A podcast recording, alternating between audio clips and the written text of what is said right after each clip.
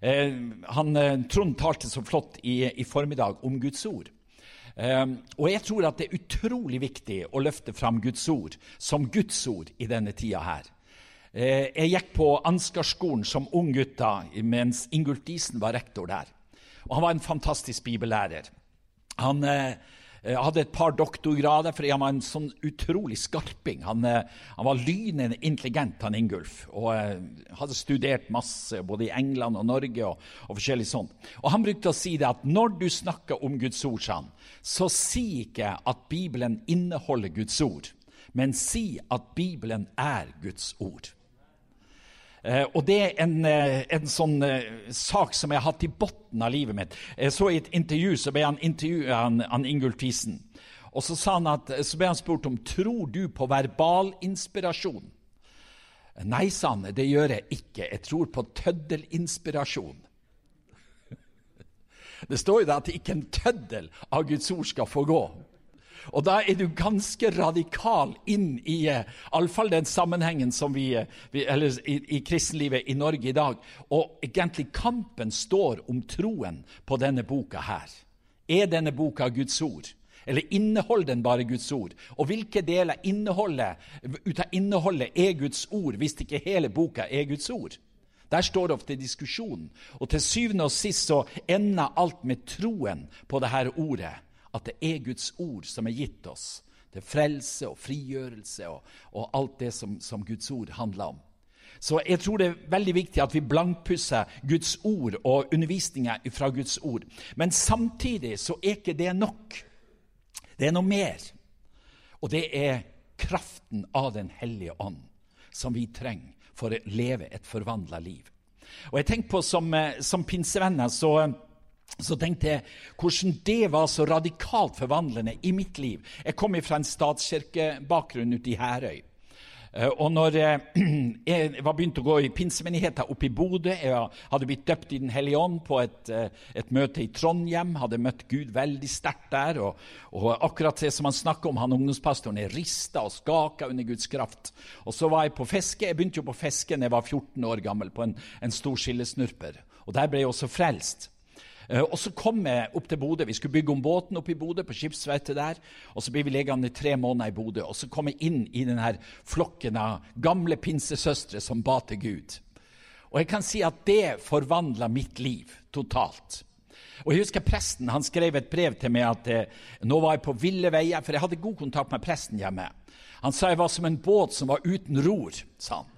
Jeg hadde ikke retning i livet. Og så sa han du må passe deg for pinsevennene, sa han, for de snakka bare om Den hellige ånd. Og så var det jo ikke sånn. Jeg møtte de.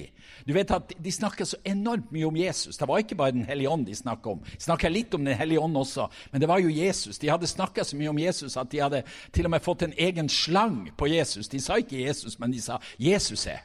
Jesus er. Husker du det? De, de gamle pinsevennene de sa, sa, alltid Jesus er. Og det var jo på grunn av at de hadde sagt Jesus så mye at de fikk en sånn egen slag på, på, på Jesus. Eh, og så møtte jeg av denne kraften som var i det her med bønn, det sterke bønnemiljøet. Og så fikk jeg de her sterke gudsopplevelsene. Det, det er mange som spør følte du noe. Og det er klart Når du er 16 år, så føler du en masse. Du er full av følelser. Og jeg følte og opplevde så sterke ting med Gud. Og så jeg tenker Hvordan det har blitt sånne, på en måte sånne bautasteiner i livet mitt, de her gudsopplevelsene. Som jeg kan se tilbake på at der møtte Gud, og der møtte Gud, og der møtte Gud, og der møtte Gud. Og så ble det til forvandling av hele mitt liv. Det at Gud kom med sin Hellige Ånds kraft over meg. Du vet at jeg, Som unggutt var jeg veldig søkende. Jeg, jeg hadde en veldig bra jobb om bord på båten. Det var i de store sildårene, vi tjente penger, og, og, alt var bra. Og jeg, jeg elska å være på sjøen. Min drøm var å være fisker. Var, all min slekt var jo fiskere på mamma og pappas side. Så jeg ville være fisker. Og jeg tenkte på at jeg må ha min egen båt etter hvert. og skal drive fiske og sånn her. Men samtidig så bare på en veldig tørst etter å møte Gud. Og Jeg husker jeg gikk til presten i, i konfirmasjonsundervisninga hjemme og så sa jeg til han, du må be for meg at jeg kan bli frelst. sa jeg. Eh, og så sa presten, men Håkon, du er jo frelst, du er jo døpt, og, og, du er konfirmert, og du er jo voksen opp i en kristen hjem, så du er jo frelst. Nei, så sa jeg, jeg må oppleve noe med Gud. Nei, så roa han meg ned. Og jeg husker fra det, den samtalen der hvor, hvor skuffet jeg var. Det, var liksom, det brant inni meg. Jeg må ha tak i noe mer. Og så kom jeg som unggutt ned på Frelsesarmeen i Kristiansand. Og du vet, Frelsemenn i den tida de var fantastiske å høste inn mennesker.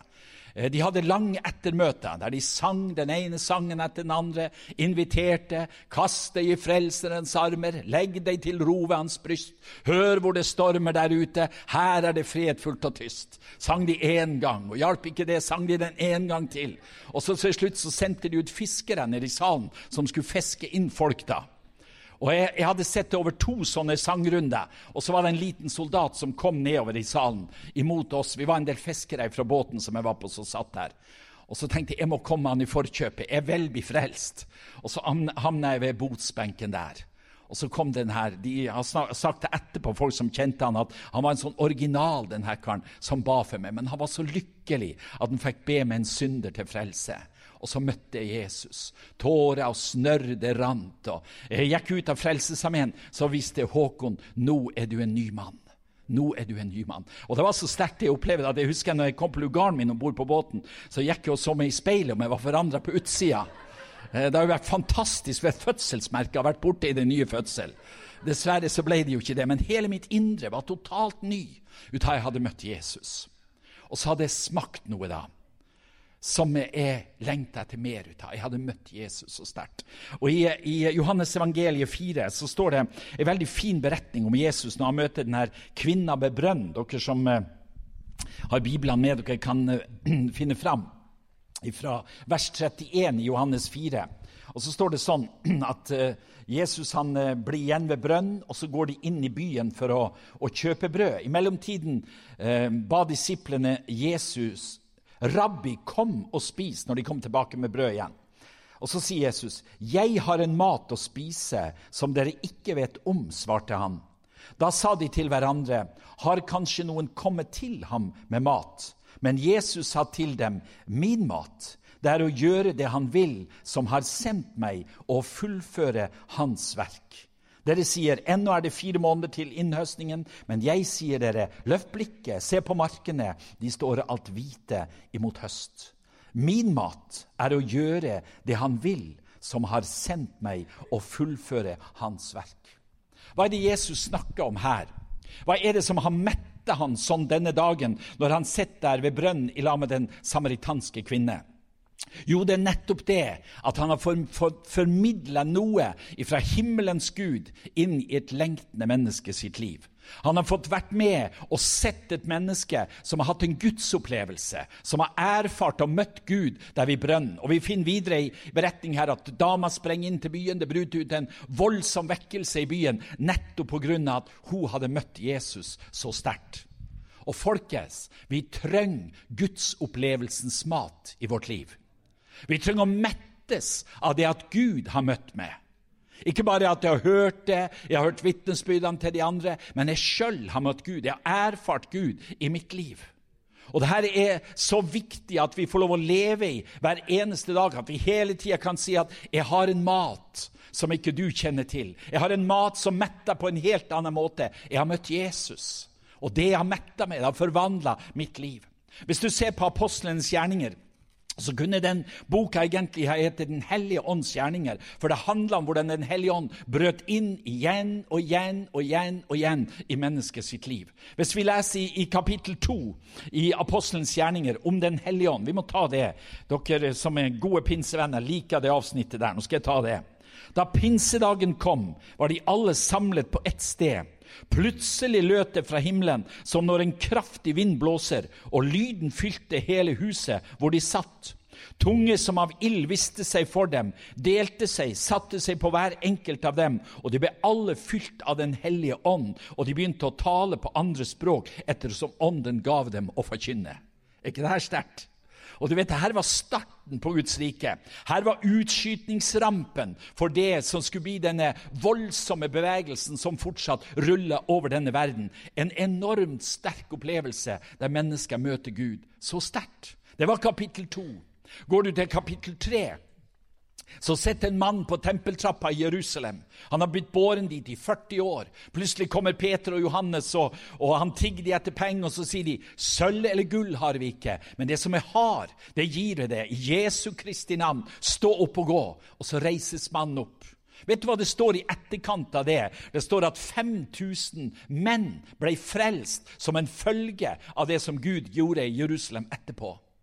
I kapittel 4 så står det et, et, fantastisk vers der det står Da de hadde bedt, skalv det stedet der de var samlet, og de ble alle fylt av Den hellige ånd, og de talte Guds ord med frimodighet. Ser du hvordan det fortsetter ut gjennom apostelens gjerninger? Guds opplevelse på Guds opplevelse på Guds opplevelse, der Guds rike brøyter seg vei gjennom mennesker som har sterke møter med Gud. Vet du at Sandvik har ikke vært et faktum i dag hvis ikke ei dame som heter Alma Halse, hadde hatt en opplevelse med Gud av det som skulle skje her? Betania i Alta. Steinar sa at han hadde 230 på lønningslista eh, i Betania-systemet i Alta. Tenk hva det betyr i en kommune som Alta. Den arbeidsplassen som finnes der, og som hadde sine røtter i ei dame som får en visjon fra Gud at hun skal bygge noe oppe i Finnmark for å hjelpe mennesker som er i nød. Og dette er kirkehistoria. Den er spekka med sånne ting som dette her. Enkle mennesker som har møtt Gud, som har hatt en gudsopplevelse, som har gått på et kall som er gitt dem, og så har Guds rike brøt igjennom. Og du vet, Når du er på møte her i kveld, så ønsker vi at denne kvelden skal være en sånn kveld der du får lov å møte Gud. Der du ikke bare får høre Hans ord, der du ikke bare får undervisning, men Den hellige ånd kommer over ditt liv, og han møter det, setter det fri fra sykdommer, setter det fri fra depresjon, setter det fri fra vanskeligheter som du sliter med, fordi at Guds kraft løser det som mennesker ikke kan løse. Vet du at Paulus han kunne vært en, en parentes i kirkehistorien? I kapittel 7 så står det at det var en ung mann som heter Paulus. Og de som steina Stefanus, de la sine klær ved hans føtter, og han var et vitne om det som skjedde. Det kunne vært alt som sto om Paulus, hvis det ikke har vært en Damaskus-opplevelse på veien til Damaskus for Paulus.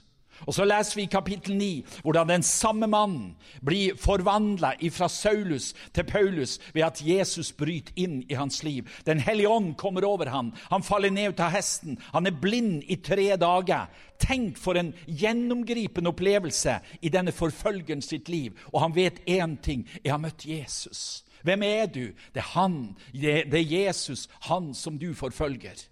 Og Sånn er kirkehistoria, full av mennesker som har møtt Gud på denne måten. Og så har det blitt forvandling for deres liv, og så er det tusener som har blitt berørt av deres liv. Jeg hadde en sånn sterk opplevelse for en del år siden. Der Gud kalte meg til å gå til ei, ei folkegruppe på Filippinene som heter Warai Warai-folket. En unådd folkegruppe på ca. fire millioner mennesker. Eh, og Gud talte til meg at jeg skulle reise dit. og Jeg, jeg har aldri vært glad i sånn, sånn varme strøk. Jeg synes ikke, Det er altfor varmt på Filippinene for en norsk. Du vet at Det er jo herlig å bo i et kaldt land der du kan kle på deg jakka. Men på Filippinene kan du ikke kle av det skinnet. Du kommer ikke lenger inn når du har kledd av det siste skjorta. Så det er ikke noe godt for en nordmann å være der nede. Men i alle fall så kalte Gud meg. Og så sto jeg nå, For jul så var jeg der og hadde møteserie igjen. Og så sto jeg foran en, en 1500 mennesker på et sånt stormøte utenfor rådhuset i Hernani. Og så forkynte evangeliet enkelt, så enkelt som det går an å forkynne det. Og så inviterte til frelse, og så er det 800 stykker som strømmer fram og får bli frelst. Og en av de viktigste personene i byen, viseordføreren i Enani, han kommer for å møte Jesus.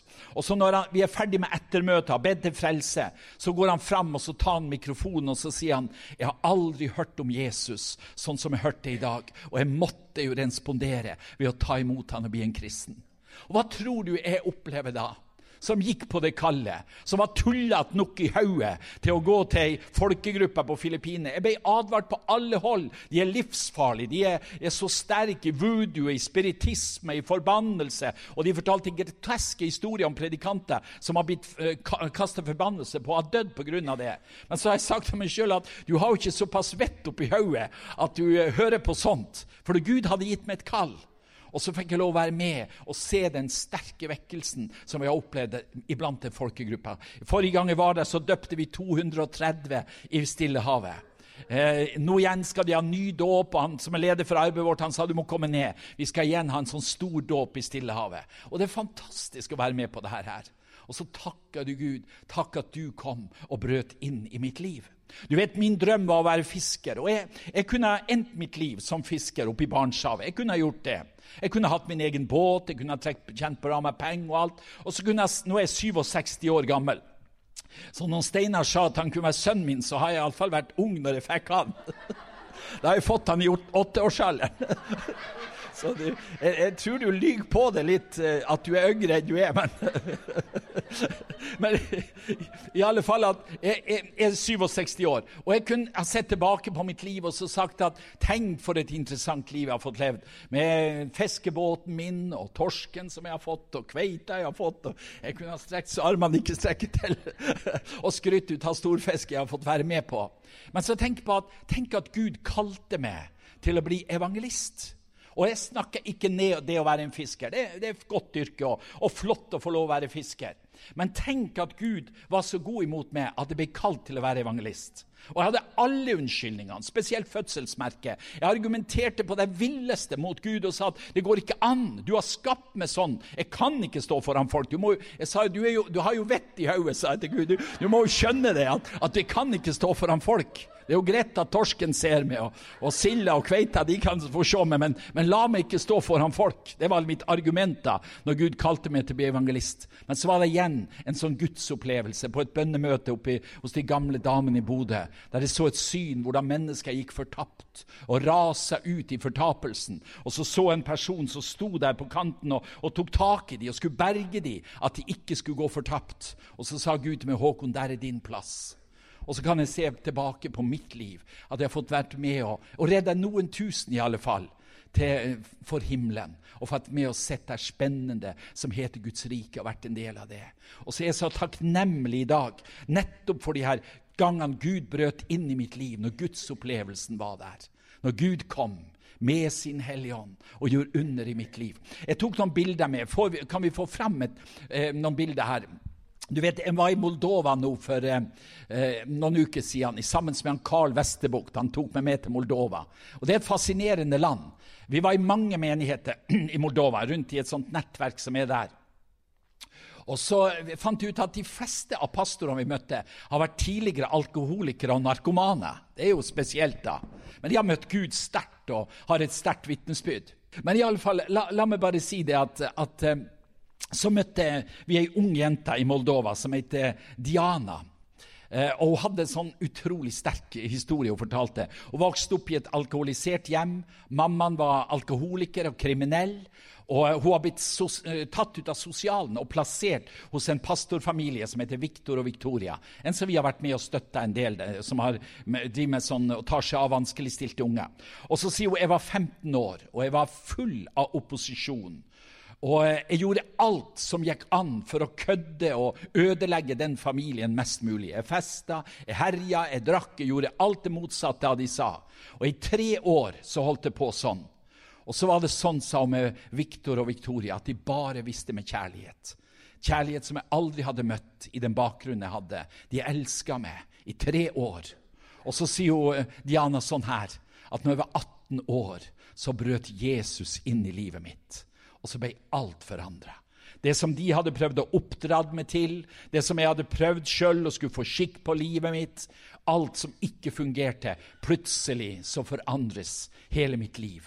Og så møtte jeg Jesus. Det er den jenta der. Ser du Diana? Halleluja. Nå er hun 21 år gammel. Og så er hun toppstudenten på universitetet i hovedstaden i Moldova, Kishnå. Og Så sier jo Diana sånn her at nå brenner for at andre jenter som har det vanskelig, skal få møte Jesus. Hun hadde 35 jenter i gruppa si som hun drev og trena. Og de eh, drev med, med, fysisk trening, de hadde bønnemøter og bibelstudier. De hadde sminkekurs, de drev og sminka hverandre og alt mulig. Og så sa hun sånn her Vi 35 jentene, vi skal bli de beste damene i Moldova. Er ikke det fint? Og så sa jeg, 'Hvordan går det med mammaen din?' 'Nei, hun sitter på lukka avdeling', sa hun, 'så jeg får ikke besøk henne engang.' 'Men vi har teksting på, på, telefonen, så jeg har litt kontakt med henne', sa hun. Og så kjørte vi utover til eh, til Ukraina og var med der. Og så sa hun de her ordene her. Hvor har jeg vært i dag hvis ikke Jesus har brutt inn i mitt liv? Og det kan vi spørre oss alle sammen. Hvor har du vært i dag om ikke Jesus hadde brutt inn i ditt liv? Hun er et sånn strålende vitnesbyrd om hva Jesus kan gjøre. Du må ta et bilde til ut av Victor og Victoria der. Se på de her som har tatt seg av, de flotte folkene her som er så full av kjærlighet. De har adoptert en, en haug med unger. Så vi har vært med og hjulpet dem, og han Karl har vært med og hjulpet dem og bygd ut huset deres. Og så elsker de mennesker inn til Guds rike. Ta et bilde til. Jeg har et bilde som jeg har visst noen ganger. En familie fra Ukraina. Jeg har nettopp nå reist rundt i sammen Ålek og Nadia, de her som står i midten der, mann og kone. Og Hele denne familien her har vært helt ødelagt av alkohol. Oleg han sa det på turen som vi var nå for 14 år siden, at, at i byen min så, så vi bare på oss som dyr. Vi var regna som søppel. Ingen regna med oss. Og De forakta oss. Alle rundt oss forakta oss. Og i dag så er de reist opp med Guds kraft. Og Han hadde en sånn lignende opplevelse som vi hørte at han Trond hadde her, der han ble stående i sånn lyssøyle. Plutselig, Han, han sa det det verste, han kom på rehabiliteringssenteret, og det verste jeg visste, var bønnemøtet. Han sa han jeg plages på bønnemøtet. Og så når jeg ikke fikk skikk på livet mitt, så sto jeg ute i grønnsakåkeren en dag, og så ropte jeg til Gud, du må hjelpe meg, Gud. Jeg får ikke til det her å være kristen og, og bli fri fra alkoholmisbruket. Og så sier han, så stråler det bare i sånn lyssøyle fra himmelen, og så blir han stående midt i lyset. Og så kjenner han hvordan kroppen forvandles ved Guds kraft. Og Så går han tilbake til huset, sier han, og så sier han til seg sjøl, Åleg, nå er du en ny mann. Nå har Jesus forvandla ditt liv. Og I dag så har han hatt 30 mann i arbeid i bygningsfirmaet som han har ledet. Så han bygde opp et svært eldresenter som vi har i Ukraina. Han er utrolig flink håndverker og var bare regna som søppel. Og du vet, eh, Ordføreren i byen han har kalt inn pastoren, og han er så sjokkert over det her. Spesielt mammaen til Oleg, Maria, som har vært alkoholiker fra hun var barna, og, og dratt hele sin familie inn i alkoholisme. Og Ordføreren har kalla inn pastoren og sa hvilket program er det du bruker som omprogrammerer alkoholikere. For Maria, Ingen trodde at hun kunne bli fri. Og Så sier jorda pastoren at vi har ikke noe program, men vi har Jesus. Og så gir vi dem Jesus, og så blir de satt i frihet. Dette er vitnesbyrd om Guds opplevelse som har satt mennesker i frihet. Og i kveld så har vi lyst til å invitere, det. At du skal få lov å møte denne Jesus og få denne gudsopplevelsen i ditt liv som har skrevet kirkehistorie opp igjennom årtusenen som har gått, der mennesker har stått fram, og det eneste de har kunnet ha sagt, jeg har møtt Jesus, og det har forvandla mitt liv. Jeg har fått et forvandla liv gjennom Jesus. I, I, høst så preika jeg på noe som heter Vekkelsesuka på Gran Canaria.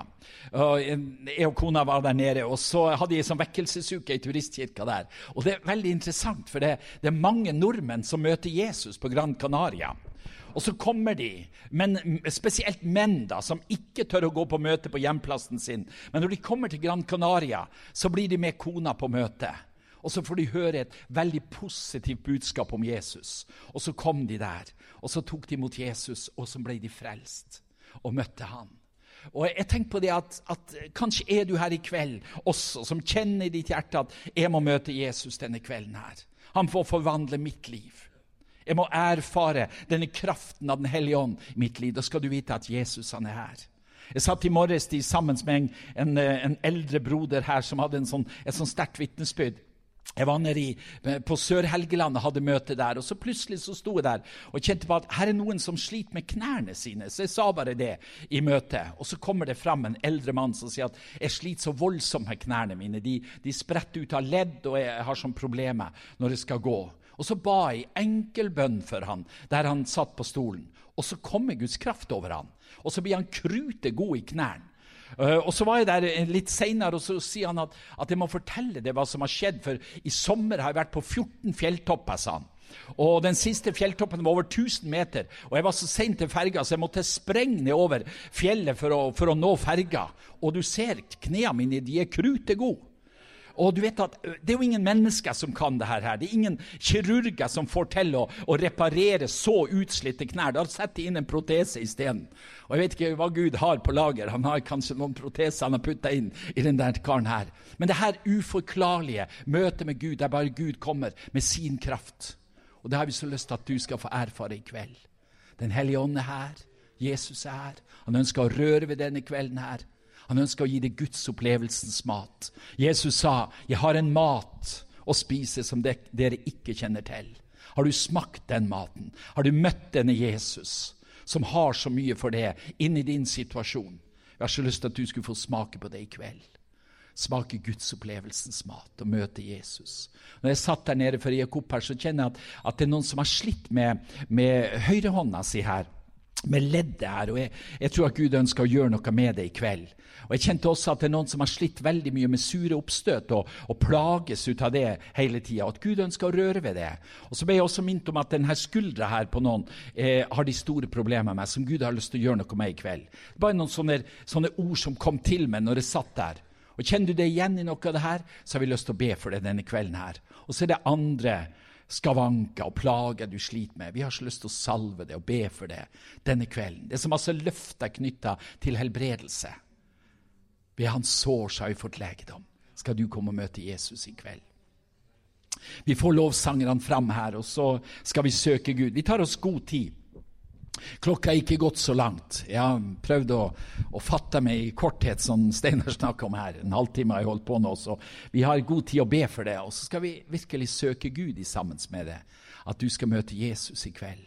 Han er her for din del. Kanskje hadde du utsatt et møte med han i årevis og, og tenkte skulle ha blitt en kristen, skulle ha tatt imot, men så har det ikke blitt sånn. Og så har du utsatt og utsatt og utsatt. Skal du vite at Jesus er her nettopp for deg i kveld. Han ser det. Han ser din lengsel etter å møte Gud, og han er her for din del. Vi reiser oss opp, og så er vi med i lovsangen her, og så søker vi Gud i sammen denne kvelden. Takk, Jesus, for din godhet imot oss. Takker deg for all din nåde, Herre, at du er, har nåde i bøtter og spann for de som eh, kanskje har svikta det og vært troløse imot det og ikke brydd seg om det. Bare trekk på skuldrene av det. Takk at du er en så nådig Gud som kommer med ditt kall igjen og igjen og igjen for at mennesker skal søke det. Takk for det vi hørte av Steinar til å begynne med, her, hvordan timeglasset sto på hell for at du ønska at flere skulle møte Jesus, flere skulle bli frelst. Herre, takk for at du er sånn her i kveld. Kanskje hadde du utsatt ting i noen mennesker sitt liv for at de skulle berges for himmelen. Og jeg ber at du skal komme til det i kveld. Gjør ditt verk i den enkeltes liv. Takk at du er her. Rør ved oss, Herre, med din kraft. Ber vi om